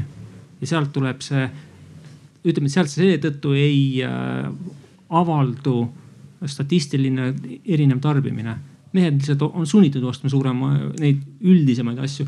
mehe kohus on ju kodu pidada, autot pidada, arved kinni maksta. naise kohus on, et laps oleks söödetud, noh hea oleks, kui mehel ka süüa antakse. Nonii võin ma siin natukene vastata sellele, et me just, mida me tegime, me võrdlesime ühe Äh, leibkonda ühe inimesega, kus on, kas mehed elavad üksi ja naised elavad üksi, et just selle mõttega, et me suudaksime eristada neid rolle, mis on perekonnas jah, et naised maksavad ühed arved kinni ja mehed teised. aga kui mõlemil on vaja korteriarve kinni maksta ja oma ja külmkapp täis osta enda jaoks, siis seal tegelikult nad tarbivad os samaväärse osa oma sissetulekust, nii mehed kui naised. et äh, ei ole nii, et naised kuidagi mingil põhjusel kulutavad rohkem kui mehed.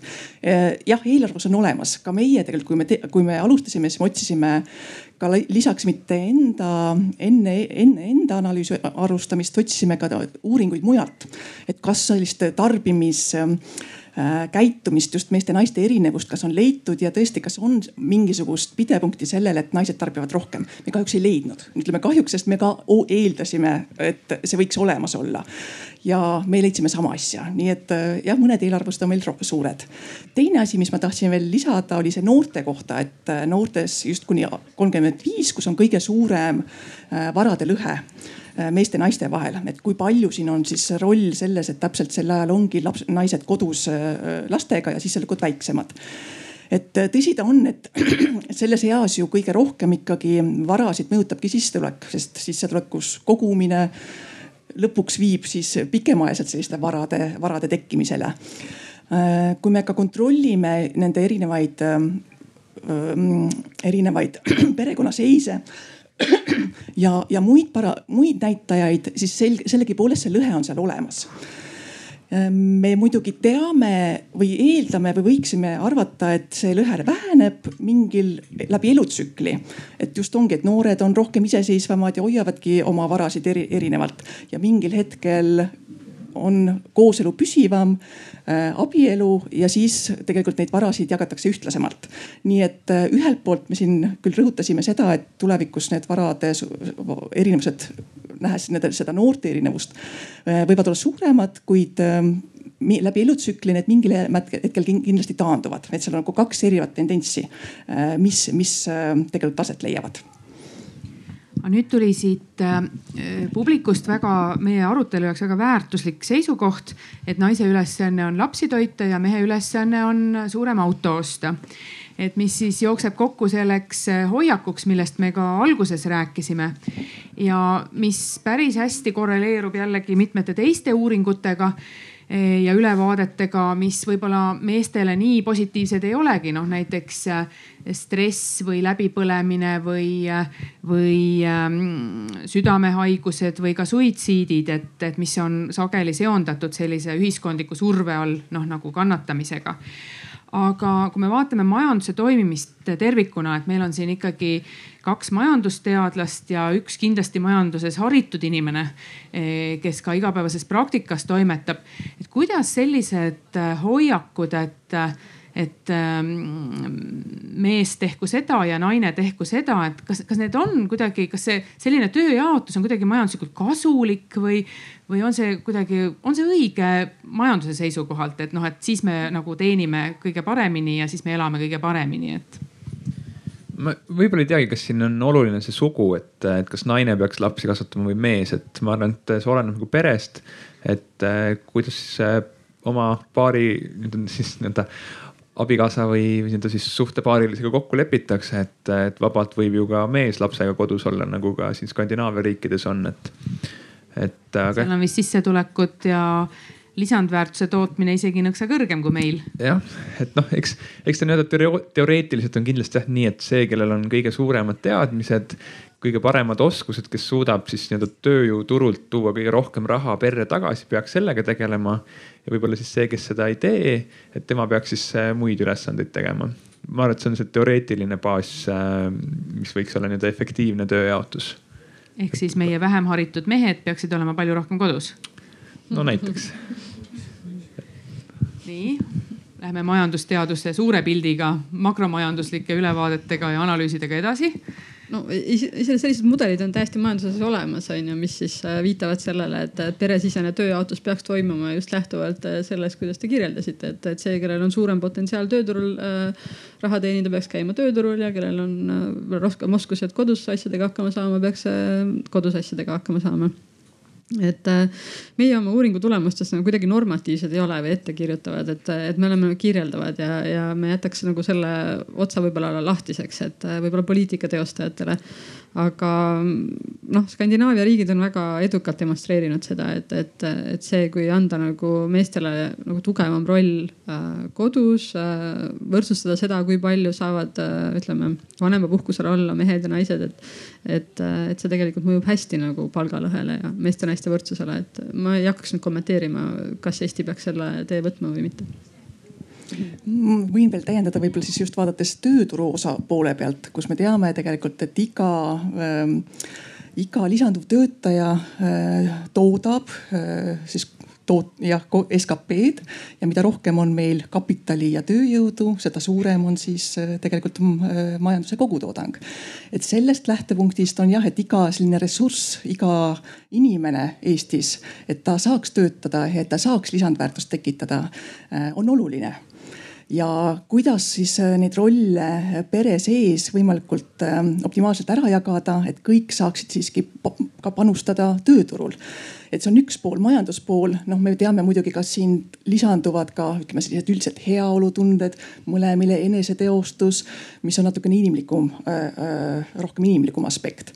Aga tööturu osa poolt vaadates, et me ole, on hea, kui kõik saavad tööturul osaleda ja siit ongi meil hea edasi minna ühe publikust tulnud küsimusega, mis meil on jäänud natukene vastamata, mis puudutas siis seda alla kolmekümne viie aastaseid mehi ja naisi ja seda, et kas äh, naised on selle tõttu alla kolmekümne viie aastaste hulgas äh, väiksemate varadega, et neil sünnib lapsi nüüd äh, ma seda numbrit peast ei oska öelda, meil on küll esiklapse sünd on umbes seal kahekümne üheksanda aasta peal.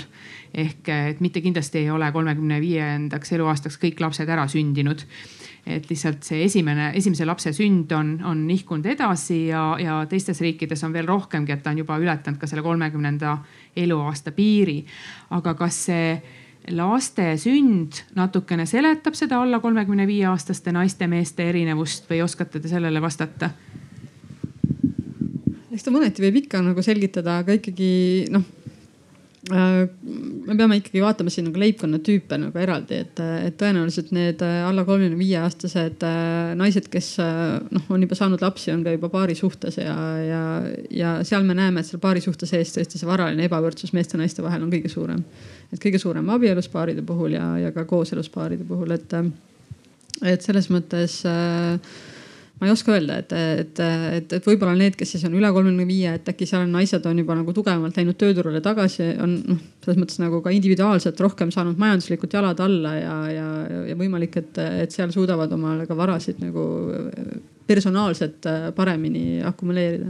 Sest noh, meil on siin ju kõik varad sees, meil on siin pensionivarad ja sellised asjad on ju, et, et kui inimene tõesti noh, tööturul ei osale, tal sissetulekut ei ole, tõenäoliselt ta ei, tal ei ole ka mingeid investeerimisvarasid ja selliseid asju Merike Kukk tõi eelmises kommentaaris välja selle, et äh, mida rohkem inimesed osalevad tööturul, et seda paremini läheb majandusel. kui me võrdleme Eesti majandust ja Põhjamaade majandust, siis me näeme, et Eestis on märkimisväärselt vähem noh fertiilses eas naisi tööturul kui Põhjamaades ehk siis äh, lapsega seonduvalt Eestis pigem jäädakse koju tööturult kõrvale, seda teevad just nimelt naised ja Põhjamaades töötatakse edasi et äh, kuidas see panga poolt vaadates näiteks mõjutab noh, naise usaldusväärsust ja miks ma seda küsin et me tegelikult voliniku kantseleis saame aeg-ajalt selliseid pöördumisi, kus erinevad pangad, kes Eestis tegutsevad, on tegelikult naistele öelnud, et me, kuna teil on väikesed lapsed või kuna te olete noh, siin lapseootel, et siis me teile ühte või teist või kolmandat teenust üldse ei pakugi ja minge ära et, et selliseid reaktsioone on pankadest tulnud küll, kuna see on diskrimineeriv, siis äh, pangad võtavad need kohe tagasi ja korraldavad ümber. aga noh, ütleme, et võib-olla päris kohvipaksu pealt ka need vastused ei tule, et, et kas on äh, nagu kuidas teie näete seda tööturul osalemist ja, ja siis naiste usaldusväärsust panga klientidena? Äh, ma arvan, et kindlasti puudutab siis ainult äh, krediiditooteid. tõenäoliselt, et kust ei saanud laenu, sest ma, ma ei tea LHV-s ühtegi teist toodet, kus me peaksime sooliselt või laste pärast äh, kliente kuidagi diskrimineerima. mitte, et me laenutoodetest. no suun on õige, aga pilt on veidi laiem, ma ütlen kommentaariks, aga noh, jätkame, jätkame. Okay, et jah, aga seal jällegi LHV pangast ei ole ühtegi kaebust tulnud, ma ütlen lihtsalt kommentaariks, aga noh. et jah, ma võin siis oma panga poolt kommenteerida, et me ikkagi vaatame iga klienti eraldi eh, mida aga rääkige taha..., kuidas te naisi ja mehi eraldi vaatate. Eh, jah, et me võime nagu ütleme, ka mees võib olla näiteks lapsepuhkusel, eks ole, et, et äh, näiteks äh, ma arvan, et kui see puudutab laenutooteid äh,, Äh, siis seal kõige olulisem on panga jaoks alati see, et me saame selle raha tagasi, mis me välja andsime. sest meie ju laename välja äh, hoiustajate raha, et kui teie omad, annate meile oma raha nii-öelda siis hoiustamiseks, siis meie laename selle välja. Ja teie tahate seda tagasi saada, siis me peame olema selles mõttes äh, laenamisel äh, sellised äh, võib-olla vastutustundlikud või konservatiivsed, et me anname laenu siis neile, kes suudavad selle tagasi maksta. Äh, minu teada meil ei ole probleemi sellest, kui laenusaaja on emapuhkusel, sest äh, ta saab ka näiteks seda emapalka edasi või tal on mingisugune muu sissetulek. oluline panga jaoks on see, et me saame selle välja laenatud raha tagasi vot kas siin nüüd võib ikkagi peituda üks asi, elevant toas, et kui me ennem rääkisime seda, et meestel on sellised suured ettevõtted ja, ja naistel on sellised ühe-kahe töötajaga pisikesed ettevõtted, et suure ettevõtte jaoks on vaja suuremat laenu. Kas siin ikkagi võib olla see, et kui me räägime naise vabast tahtest, et tal ikkagi on mingid märkamatud takistused sellel teel, et saada siis see suur laen või lihtsalt sellepärast, et ta vahepeal sünnitab lapsi? ma arvan, et siin ei ole sooliselt nagu erinevust või ka laste olemasolu ei ole erinev. et äh, ütleme, mis me nagu näeme nende väik-, väiksemate ettevõtete laenude puhul, et kus kliendiks on näiteks siis äh, sellised spetsialistid, kes on teinud oma ettevõtet, nad on näiteks pakuvad raamatupidamisteenust või mingisugust muud oma nii-öelda oskusteavet müüvad oma ettevõtte kaudu. ja ütleme siis sellise suurlaenu kliendid on ikkagi sellised äh, suurettevõtted. aga ja ütleme, mida pank vaatab lõpuks, pank vaatab seda ettevõtete laenude puhul, et kas see ettevõte suudab meile selle laenuraha tagasi maksta, sama nagu eraisikute puhul ja siin ka ei tehta mingisugust nagu soolist äh, diskrimineerimist, et vaadatakse, kas see äriplaan, millega meie juurde laenu küsima tullakse, et kas see on elujõuline, kas äh, on see nii-öelda statistiliselt, on see nii-öelda tõenäoline, et see suudetakse ellu viia, kas need inimesed suudavad selle ellu viia. ja kui see kõik klapib meie jaoks, meie riskimudeli jaoks, siis äh, anname julgelt selle laenu välja ka, et ma võib-olla küsiks siia jätkuks, et kas te olete ka seda vaadanud, kas naised maksavad laene tagasi paremini kui mehed? Eh, ma jään siin vastuse võlgu, sest ma ise nii-öelda laenuosakonnas ei tööta, et ähm, ma arvan, et siin pigem äh, laenu tagasimaksel hätta jäävatel äh, klientidel, noh, ütleme sellised äh, nii-öelda ka muus elus hästi või nii-öelda kõrgemat palka teenivad inimesed, et äh, määrab haridustase, äh, võib-olla määrab äh, seaduskuulekus, mingisugused muud sellised näitajad, et. aga uuringust tuli teil välja negatiivsete varade puhul? Ei, seal ütleme, me oleme praegu jah rohkem vaadanud nii-öelda varasid siin olemasolevaid varasid, et praegu me läheme laenu teemale, mis on teine valdkond, aga meie jaoks tegelikult väga põnev. Äh, sellepärast, et ähm, ühelt poolt on teada, Eesti kohta uuringuid ei ole, et naised on distsiplineeritumad tagasimaksjad, kui me räägime eraisikuna võetud laene. Ja võime ainult spekuleerida, et seda arvatavasti võetakse arvesse, aga see on siis tegelikult hoopis meeste kahjuks. ei tea või seda oleks põnev uurida, aga. seadus keelaks seda arvesse võtta, ütlen ma vahele jah, aga on tehtud USA-s, mitte küll jälle Eestis, äh, mikroettevõtete, väikeettevõtete kohta, kust on ilmnenud, et naisomanikel on olnud raskem saada laenu kui meesomanikel ja neid uuringuid on tegelikult ka Euroopas tehtud, et kõik need, mis sa ütlesid selle kohta, riskimudel või? põhimõtteliselt krediidiriski mudel. ja, et see krediidiriski mudel ikkagi sisaldab tervet rida näitajaid, mis pigem tabavad naist kui meest, alates sellest, et miks sa olid aasta otsa tööturult eemal. noh, süvenemata sellele, et sa olid äh, vanemapuhkusel ja, ja nii edasi, et tegelikult sellised nagu tahtmatud asjad või paratamatud asjad mõjutavad nagu, nagu teistmoodi, aga see, ma ei taha kõlada süüdistusena ja, ja kuna sa ei ole ka laenuosakonnast, et, et siis ma tegelikult lõpetaks. tegelikult ja, tahaks ühe kommentaari veel lisada siia, et äh, tegelikult äh, mis nagu eluasemelaenu puhul on äh, turupraktika siis pangandusturul, äh, on tegelikult ettevõtjat äh, võib-olla natuke diskrimineeritakse. just sellist väikeettevõtjat, et kes on ise ettevõtte juhatuse liige, ise omanik, et temal võib olla raskem seda laenu saada et samamoodi, et kui sul on, oled mingi väikeettevõtte omanik, aga sul on seal töötaja, siis see töötaja saab palju kergemini selle laenu ja LHV tahab siin olla nüüd natuke siis äh, turupraktikast erinev, et me just otsime neid selliseid ettevõtlikke inimesi, kellel ongi see oma ettevõte sest tegelikult meie, tegelikult ju ei ole vahet, et kas äh, sina oled see ettevõtja või see on sinu töötaja. et kui sul ettevõte läheb pankrotti, siis see töötaja on samamoodi oma tööst ilma. et ühesõnaga me proovime siis nagu positiivselt diskrimineerida ehk siis anda äh, laenu siis ka nendele, kes võib-olla mujalt seda ei saa see võiks muidugi parandada Eesti siis äh, ettevõtjate soolist jaotust, et kus siis tegelikult ainult veidi rohkem kui kümme protsenti on kõikidest ettevõtjatest naised ja siin on siis äh, sõltumata sellest ettevõtte suurusest. aga meie paneel, mis võiks muidugi kesta veel siin muudkui kerib ja kerib neid teemasid, hakkab otsa saama, et äh, hakkame nüüd lõpetuseks katsume inimestele teele kaasa anda midagi praktilist, et kui me katsuks mõelda, et mida võiks iga mees ja iga naine teha esmaspäeval teistmoodi? võin, võin siis äh, korrata naistele oma soovitust, et. kolm äh, tükki, palun. ja, asuge investeerima. Äh, või võib, võib-olla ma alustan nagu laiemalt, et kõigepealt leidke endale mõttekaaslased, et kas mõni sõber rääkige sellest, et kuidas ma saaksin homme olla rikkam, kui ma täna olen. Et mis selleks teha tuleb äh,, koolitage ennast, et käige tulge kas meie seminaridele äh, või käige teiste pankade juures, et ka nemad korraldavad neid või, äh, või kõige oluliselt hakake tegutsema. Ja meestele siis võib-olla soovitus, et kuna meeste puhul siis tuli välja, et see haridustase on üks nii-öelda määrav määrav nii-öelda roll siis sissetulekute puhul või, või ka abielu, et et võib-olla siis äh, koolitage ennast ja üritage ikkagi see elukaaslane endale leida. Nii, ma ütleks täpselt samad asjad, kolm asja, et kõigepealt äh, nii meestele kui naistele, et äh, investeerige riskantsematesse varadesse, pikaajaliselt pakuvad kõrgemat tootlikkust.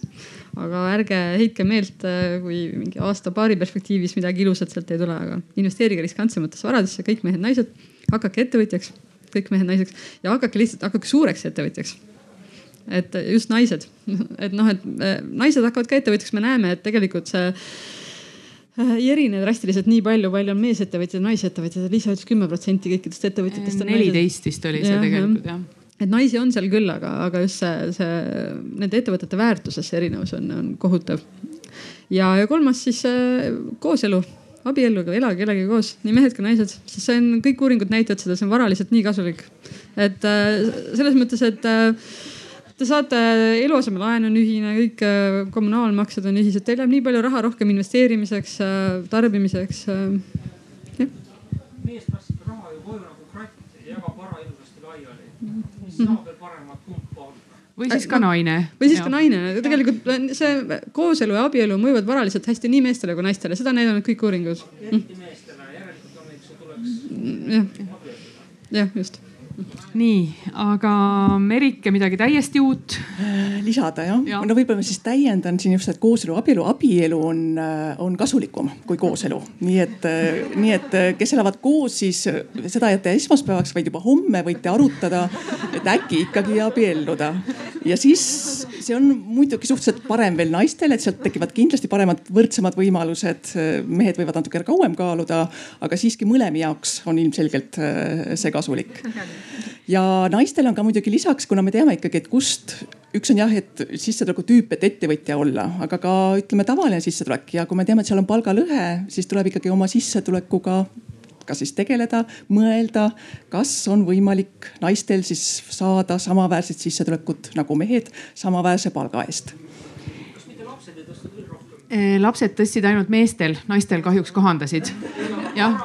suurenesid ja meeste tootlikkus kasvas, järelikult on ka varasid rohkem, mida jaotada mm. -hmm. aga noh, seda ettepanekut me ei tee, et, et ärge siis saage lapsi, sest et naised, et siis teil on suuremad sissetulekud. seda ettepanekut me kindlasti ei tee, jah aga nüüd eh, väikese julgustusena veel sinna juurde, et tegelikult eh, seesama Statistikaameti uuring näitas ka seda, et kui naine küsib Eestis palgatõusu, saab ta seda tõenäolisemalt kui mees.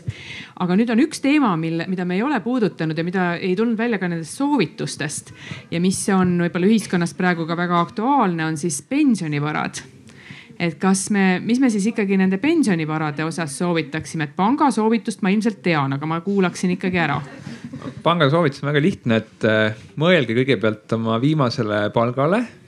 Äh, nüüd võtke sealt kuuskümmend protsenti ära ja see on siis see raha, millega te peate pensionieas äh, hakkama saama. juhul kui on esimene ja teine sammas. juhul kui on esimene ja teine sammas, jah. aga kui ta... teist sammast ei ole? no täna seda kuulajaskonda vaadates tundub, et enamusel vist peab olema.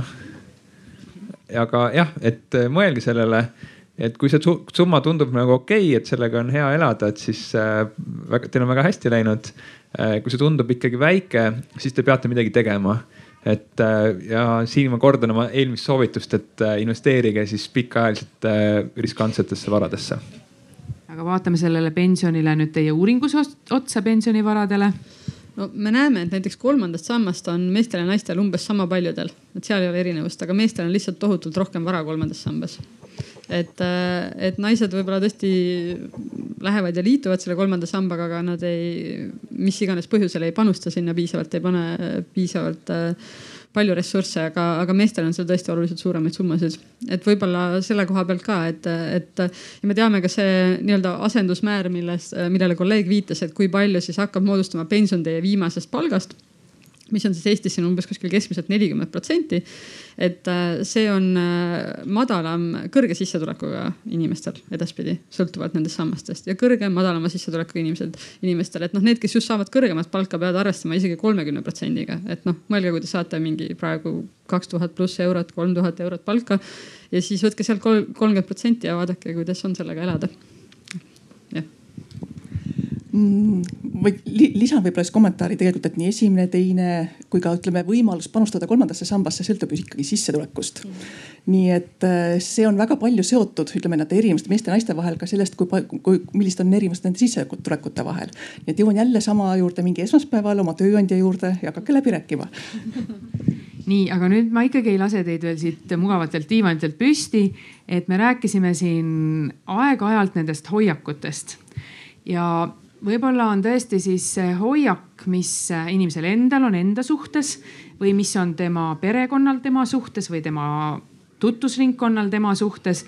see, mis on takistanud tal siis kõiki neid asju teha, millest me kõikidest nendest headest soovitustest ja see ei pruugi olla üldse lihtne hakata neid soovitusi, mis on siin kõik kõlanud eh, majandusega hästi kursis olevate, seda lausa teaduslikult uurivate inimeste poolt, et äh, kas nendest hoiakutest läbimurdmisele me suudaks ka mõelda mõned siis soovitused, et kui ikkagi see hoiak on see, et naise ülesanne on kodus lapsi kasvatada ja mehe ülesanne on see auto, mis vist küll ei ole väga hea investeerimisvara eh, osta.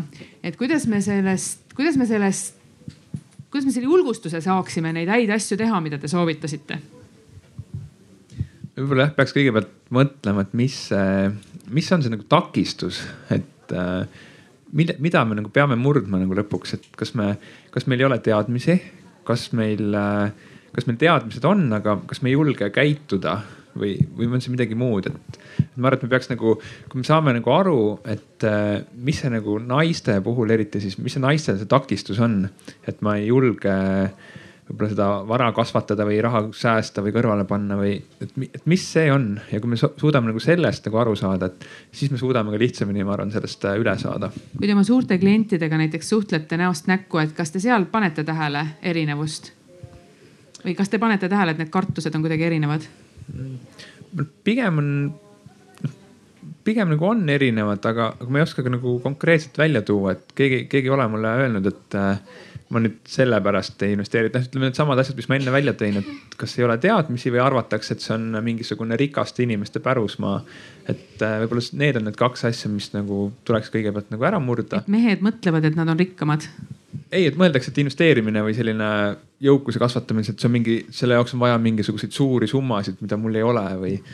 Et äh, tegelikult ei ole vaja, et äh, saab ka väikeste summadega hakkama, et. naised mõtlevad nii rohkem kui mehed ma siin ei, ma ei oska tuua seda nagu välja, et kas, kas seal on erinevus või ei ole, et ma arvan, et see on see. igal juhul võiks mõelda mure. niimoodi, et, et see tegelikult, ma hakkan ikkagi kuskilt pihta, sõltumata oma soost. ja, et äh, tegelikult äh, ähm, kahe, vähemalt kahel pangal Eestis on selline toode, et, äh, et kui te ei ole kunagi säästnud, et meil on, meil on äh, LHV-l ja SEB-l on siis sellised tooted, et äh, teil on kaardimaksel üks nagu lisavõimalus, et teie kaardimakse summa arvutatakse järgmise täiseuroni ja see vahe pannakse teile kõrvale. Et äh, proovige esmaspäeval, proovige täna, et äh, lülitage see endale sisse, vaadake, mis juhtub, et äh, nagu imeväel tekib teile kuskilt raha juurde. Et või te, te ei tunne seda vaik, väikselt, et teil läheb ära, aga teil on kuu lõpus nagu meeldiv üllatus. Ja ma soovitan, proovige jõuludeni vähemalt jõuludeni, et te saate sealt ühed korralikud jõulukingid teha, et, et kui ja kui teile hakkas see meeldima. oota, jõulukingi mingi... tegemine ju võtab selle investeeringu ära. ja, et kui te kardate, et kui te kardate, et teil läheb, et ütleme. nüüd läks müügijutuks kätte ära. jah, et kui jah, et kui te, kui te kardate, et ütleme, et, et äh, ma ei tea, et mul võetakse liiga palju ära, et proovige vähemalt jõuludeni vastu pidada mm. -hmm. et mõelge, et ma teen siis kas jõulukingid endale või äh, kui see nagu, kui te, kui te ei tunne igapäevaselt, et mingi vahe oleks äh, seal, et mul on nüüd sissetulek väiksem. et siis proovige edasi ka. aga ma vaatan nüüd teadlaste otsa, et kas teie soovitate ka võimalikult palju raha kinkidele kulutada? Ei, ma võib-olla tooks nagu natuke teise nagu nurga nendest soorollidest ja stereotüüpidest sisse, on see, et, et mis tööd me teeme, et see on ka väga paljuski seotud äh, soorollide ja stereotüüpidega. et, et võib-olla noh, meie siin oleme täiskasvanud inimesed, võib-olla oleme oma ameti juba nagu valinud või kes veel ei ole, võiksid nagu mõelda selle peale, et et, et me, meil on ikkagi üsna selgelt nagu meeste tööd ja naiste tööd ja see segregatsioon nagu ametikohtade vahel tegelikult ikkagi seletab hästi palju sellest sissetulekust ära, et, et võttes nagu Merikese jutupunktid, et kõik see investeerimine, see ikkagi taandub ka väga palju sellest, et mis on su sissetulek ja meeste, naiste sissetulek on lihtsalt madalam. et ähm, ja, ja miks ta on madalam, on see, et nad ikkagi teevad sellist tööd, mis, äh, kus on madalad palgad, et kui me näiteks võtame äh, sellised tööd, mida saab teha Sinigra Eestis, ütleme mitte kõrgharidusega äh, naine ja mees on ju, siis äh, ütleme, mees saab olla, noh näiteks ta saab olla ehitaja või ta saab olla torumees äh,, kus ta teenib kakskümmend viis eurot tunnis, teenivad torumehed või isegi viiskümmend eurot tunnis. No,, nagu advokaadid, nad võivad väga-väga hästi el elada. aga samas näiteks naiste valikud, kui, kui tal ei ole kõrgharidust, siis äh, noh, need on kõik väga madalapalgalised, et nad saavadki olla tõesti kassapidajad, mingit sellist asja teha, kus, kus sa ei saa oluliselt enam nagu alampalgast, et võib-olla ka nagu ma võib-olla just nagu suunaks nagu, nagu neid stereotüüpe murdma, et noh, miks ei või siis naine olla nagu mehaanik või miks ei või naine olla siis, miks mitte torumees, seal on tohutult kõrgemad palgad, see võimaldab kohe saada, suurendada oma sissetulekut äh, väga palju. Või, või noh, korstnapühkijad on naised näiteks tänapäeval ka väga hästi teenivad Äh, lähen siin edasi Jaanika mõttekäiguga äh, ja suundun haridusse, et ka täpselt need erialavalikud, äh, ütleme tüdrukute matemaatilised oskused on sama head kui poiste omad. miks mitte siis valida IT-d, mis me teame, et on palju parema nii tasustatud kui võib-olla mõni humanitaaraine või valdkond. et julgustama siis ka ähm, saama inseneriks, saama IT-spetsialistiks me teame jah, siin on ka jälle need eelarvamused ja stereotüübid ja hoiakud, mis võib-olla takistavad. kuidas nende, neid murda, sellele tegelikult meie ei oska väga vastata, siin tahaksime, oleks vaja sotsioloogide abi. et, et kuidas, kust hakata pihta lasteaiast, millise, milliste meetoditega, et need, neid stereotüüpe ja hoiakuid siis vähendada siin püüame meie ka kaasa aidata, aga ma väga tänan kõiki, kes meid kuulasid. oli väga huvitav kuulata kõiki meie esinejaid ja siinkohal lõpetame ka oma Facebooki ülekande, et kui te soovite, kerige natuke tagasi, et viimased minutid olid kõik need rikkaks saamise õpetused. ja see on ka järelvaadatav, kui keegi siinviibijatest soovib seda vaadata. et suur-suur aitäh kõikidele